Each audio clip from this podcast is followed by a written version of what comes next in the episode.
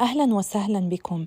معكم ماريز فرنجي وأنتم تصغون الآن إلى البودكاست الكتاب المقدس في عام حيث سنتعرف أكثر إلى صوت الله ونسعى لنعيش حياتنا على ضوء الكتاب المقدس.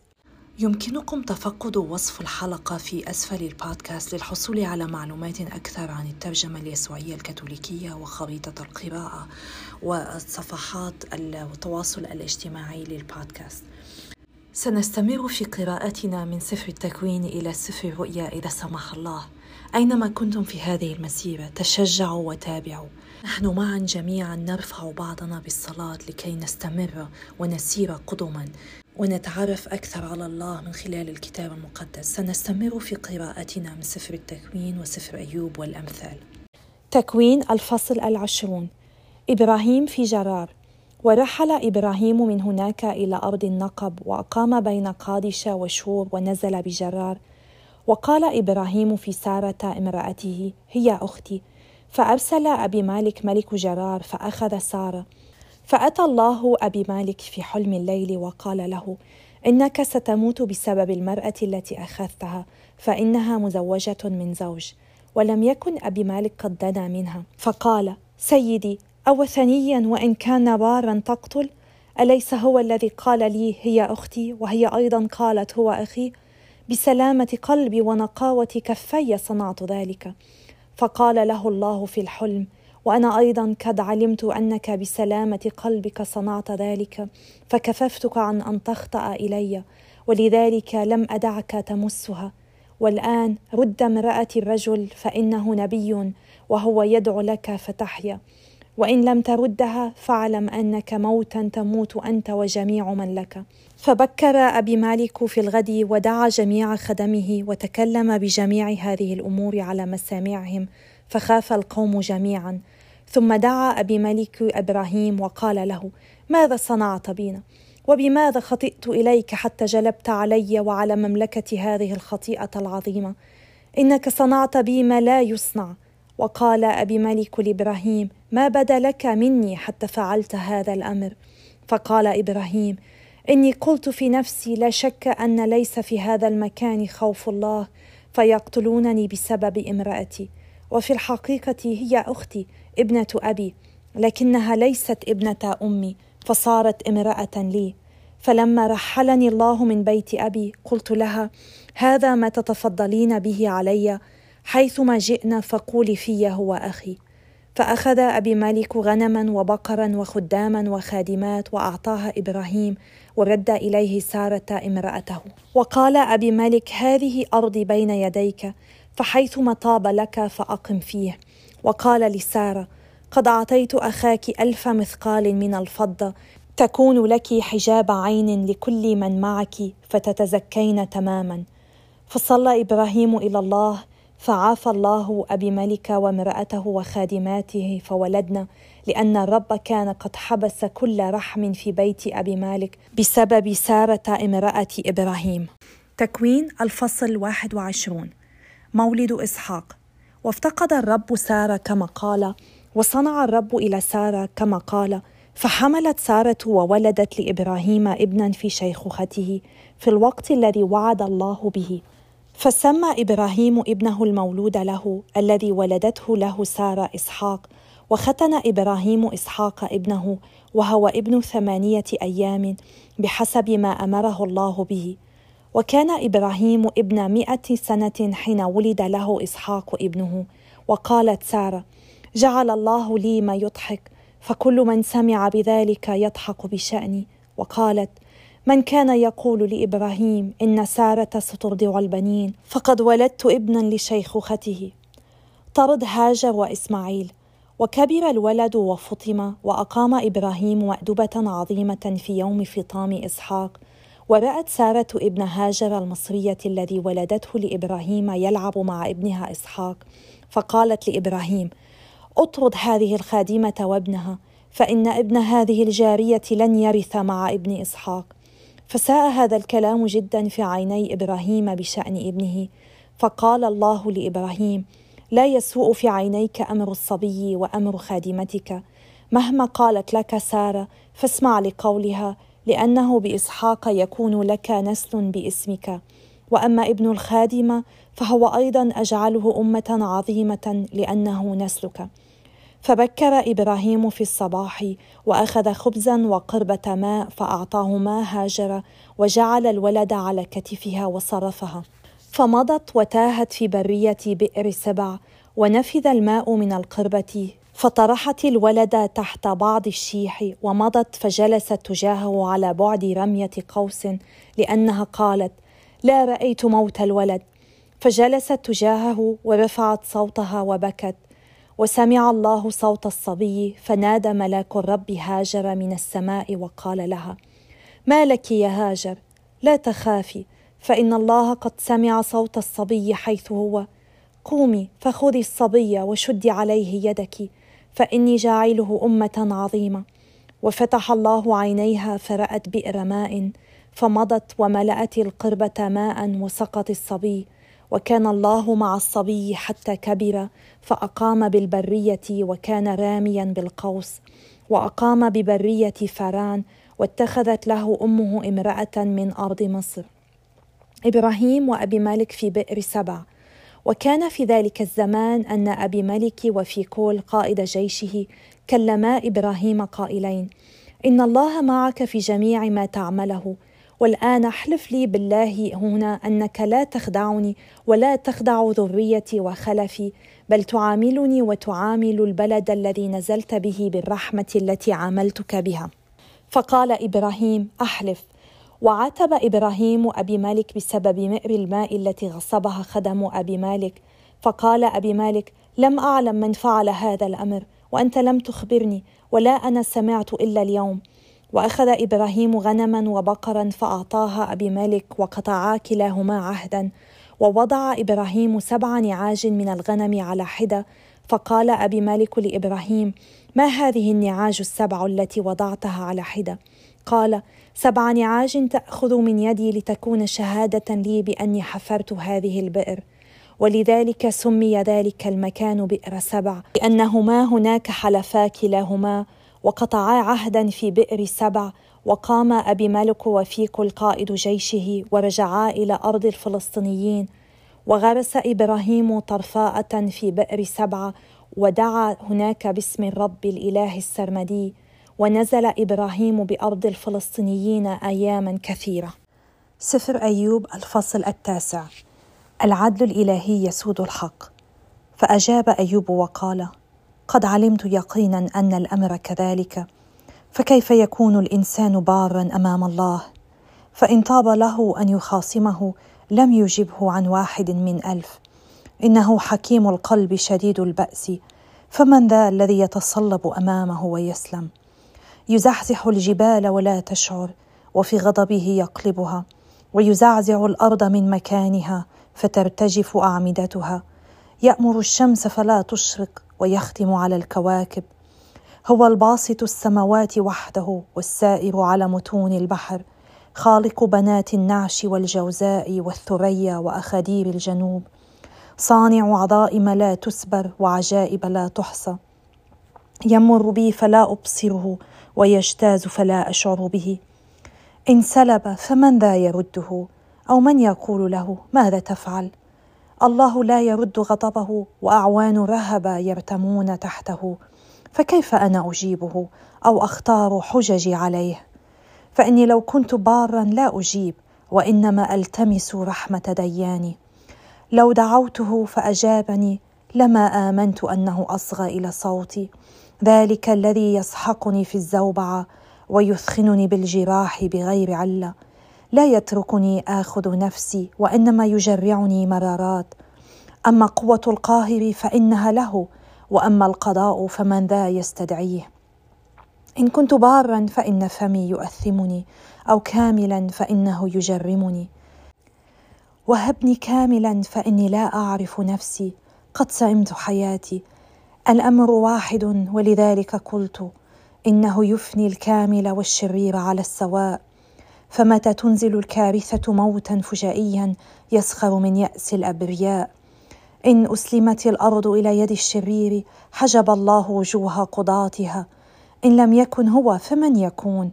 ايامي أسرع من عداء قد فرت ولم تصب خيرا. قد مرت كسفن البرد كالعقاب المنقض على طعامه.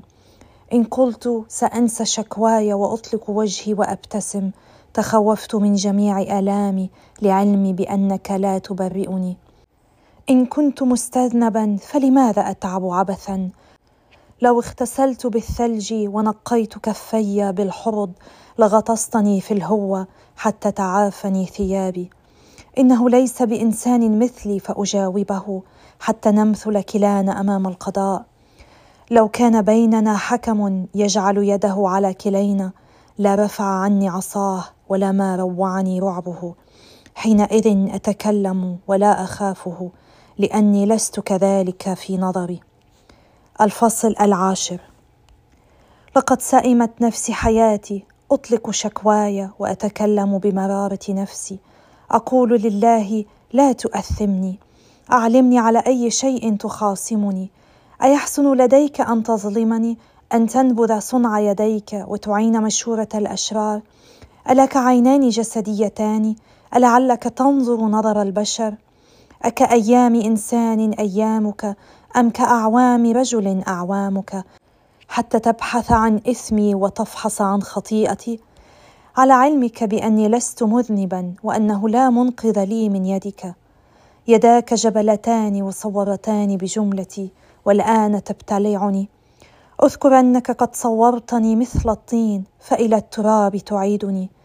ألم تكن قد صببتني كاللبن الحليب وجمدتني كالجبن وكسوتني جلدا ولحما وحبكتني بعظام وعصب وحياة ونعمة آتيتني وحفظت عنايتك روحي وقد كتمت هذه في قلبك وإني لأعلم أنها في نفسك. إذا خطئت تراقبني ولا تبرئني من إثمي. إذا أذنبت فالويل لي. وإن بررت فلا أرفع رأسي لما جرعته من العار وللبؤس الذي انتشيت منه. وإن ارتفع رأسي تصطادني كالليث ثم تعود فتصول علي. تجدد هجماتك في وجهي وتشدد غضبك علي وجيوشك تتناوب ضدي. لما أخرجتني من الجوف؟ اذا لكانت تفيض روحي ولا تراني عين. ولكنت كأني لم أكن قط فأوقاد من البطن إلى القبر. أليست أيامي إلى حين؟ فليكف ويخفف عني فأبتسم قليلا. قبل أن أنصرف انصراف من لا يأوب إلى أرض ظلمة وظلال موت. أرض ظلام كالليل وظلال موت وعدم نظام حيث النور كالظلام. الفصل الثاني من كتاب الأمثال من الايه السادسة إلى الآية الثمانية. لأن الرب يؤتي الحكمة ومن فمه العلم والفطنة يدخر للمستقيمين معونة وهو ترس للسائرين بالكمال يحمي سبل العدل ويحفظ طريق أصفيائه. يا أبانا الذي في السماوات نحن نسبحك نمجدك نشكرك يا رب. نشكرك من أجل عظائمك نشكرك لأنك تكشف لنا عن حبك تكشف لنا كيف تعمل في حياتنا رغم كل ضعفنا كيف تستعمل أشخاصا مثلنا لتحقق مشروعك الخلاصي نشكرك يا رب لأنك لا تتخلى عنا لأنك صبور جدا معنا ولأنك تعطينا دائما فرصة لنفهم أكثر ارادتك لنفهم قلبك. ونحبك أكثر ونثق بك. باسم يسوع نصلي. آمين. نستمر في مسيرتنا مع إبراهيم وقد ذكرنا سابقا أن إبراهيم يدعى أبو المؤمنين. في كثير من القصص التي قرأناها عن إبراهيم نراه يسير في الإيمان ولكننا نراه أيضا يتعثر. نرى أنه بعد أن اختتن ودخل في عهد من الرب تعثر من جديد حين ذهب إلى مصر من جديد مع أبي مالك. تعثر في شجاعته وفي إيمانه وقال إن سارة هي أخته. مرتين بسبب الخوف ارتكب نفس الخطأ. ونحن نلاحظ في مسيرتنا مع الرب كم نرتكب نفس الخطأ مرات ومرات عديدة. إنها حقا لنعمة أن سر الاعتراف موجود حيث يمكننا أن نكتشف قلب الرب الذي هو رحمة لا حدود له. هذه الرحمة نفسها هذه النعمة جعلت الرب يظهر لأبي مالك في حلم ويقول له أن لا يمس سارة لأنها زوجة إبراهيم. بهذه الطريقة الرب جنب أبي مالك من الوقوع في الخطيئة. يا لها من هدية عظيمة حين يحاول الرب أن يبعدنا عن الخطيئة. كم مرة الرب حاول أن يصوننا من الوقع أن يحفظنا من وقعاتنا. نحن لا نعرف نحن لا نعرف كم مرة الرب عمل هذا معنا. ربما لم نلاحظ ذلك. ربما لم نعي أنه بيده المحبة كان يمنعنا من السقوط. ولكن بالتأكيد سيأتي يوم في السماء وسنرى فيه المرات الغير متعددة التي بها الرب حفظنا من السقوط. ومع ذلك هناك أيضا أوقات يسمح لنا فيها أن نسقط مثل ما حصل مع إبراهيم وهو يفعل ذلك لأنه يريد أن يعلمنا أن نثق به لأن الثقة هي شيء مهم جدا في علاقتنا مع الرب. نعرف أننا نحن لسنا مثاليين وأننا سنفشل ومن خلال فشلنا سنتعلم كم يحبنا الله. عندما نفشل يمكننا أن نتعلم ما معنى أن نكون محبوبين من الله رغم كل ضعفنا رغم كل فشلنا. نعرف أن فشلنا لا يستبعدنا فشلنا لا يجعلنا غير أهل لأن ندعى أبناء الله. فشل إبراهيم في الثقة ولكن ذلك لم يمنعه من الالتزام بالعهد. وكذلك فشلنا لا يمنعنا من أن نقف مجددا. أن ننال سر الاعتراف ونسير اماما مع الرب. كم من مرة يستمر الله في إعادتنا إليه حتى لو كان من الصعب علينا فهم طرقه. علينا أن نتعلم أن نثق به حتى لو صعب علينا فهم ماذا يفعل الرب في حياتنا. ونتابع مسيرتنا مع صديقنا أيوب. نعم صديقنا أيوب لأن أيوب يعبر عن أسئلة كثيرا ما نقولها نحن بصوت عال أو ربما في بعض الأحيان نخشى حتى أن نسألها. مثل أنا لا أفهم لذلك. أنا لا أفهم لماذا يحصل هذا معي. أنا لا أفهم يا رب لماذا خلقتني لماذا جلبتني إلى هذا العالم وسمحت لي بأن أتعذب. على الرغم من أني أحاول أن أكون صالحا إلا أنه يبدو يا رب أنك لا تهتم. ألا تهتم بأني أتألم كثيرا؟ نرى من خلال كل هذه الأسئلة أن أيوب يشعر بالعجز السديد لأن الأسئلة لا تزال تزحف في قلبه. هو يعرف أن الله عادل ولكنه لا يشعر بوجود الله لا يشعر أن الله معه يشعر وكأن الله لا يكترث به لا يكترث للصالح ولا يكترث للشرير. هو يتألم جدا ويستصعب عليه أن يفهم ماذا يحصل له. وهذه حال كثيرين منا. هذا صراخ أيوب وصراخ كثيرين منا. هل يهتم الله؟ هل يهتم الله عندما أتألم؟ ألا يكفي الرب أنني أسعى أن أعيش بصلاح؟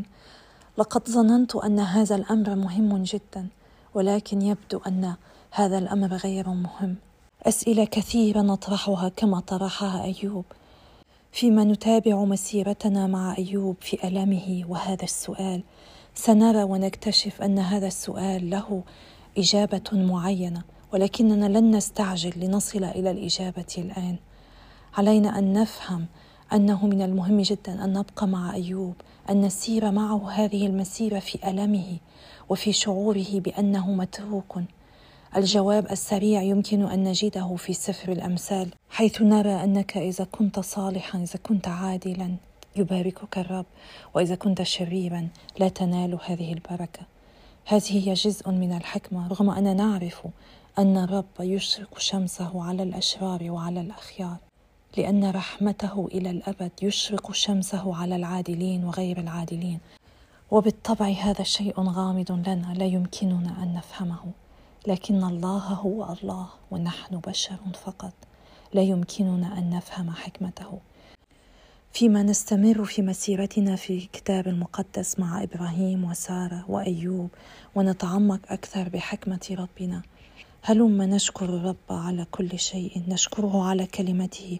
عالمين أن هناك الكثير الذي لا نفهمه في هذه الحياة وعن هذه الحياة. ولكننا نعرف أنه كلما بقينا بقرب الرب ازددنا حكمة وكنا قادرين على رؤية الأمور بشكل أوضح حتى في خضم المصاعب والمعاناة. والأهم من هذا كله نقدر أن نثق به أكثر وننمو في إيماننا. كثيرون منكم الذين تصغون الآن تسيرون في مسيرة ألم تتألمون كما تألم صديقكم أيوب. نعم أيوب هو صديقكم وهو يقول لكم كلمات تقويكم. كلمات تجعلكم تتقون إلى الصلاة. اجعلوا صلاة أيوب صلاتكم. ولنكن جميعنا المستمعين إخوة نحمل بعضنا في الصلاة لكي نقدر أن نسير على هذه الدرب درب الإيمان رغم كل الألم رغم كل الصعوبات.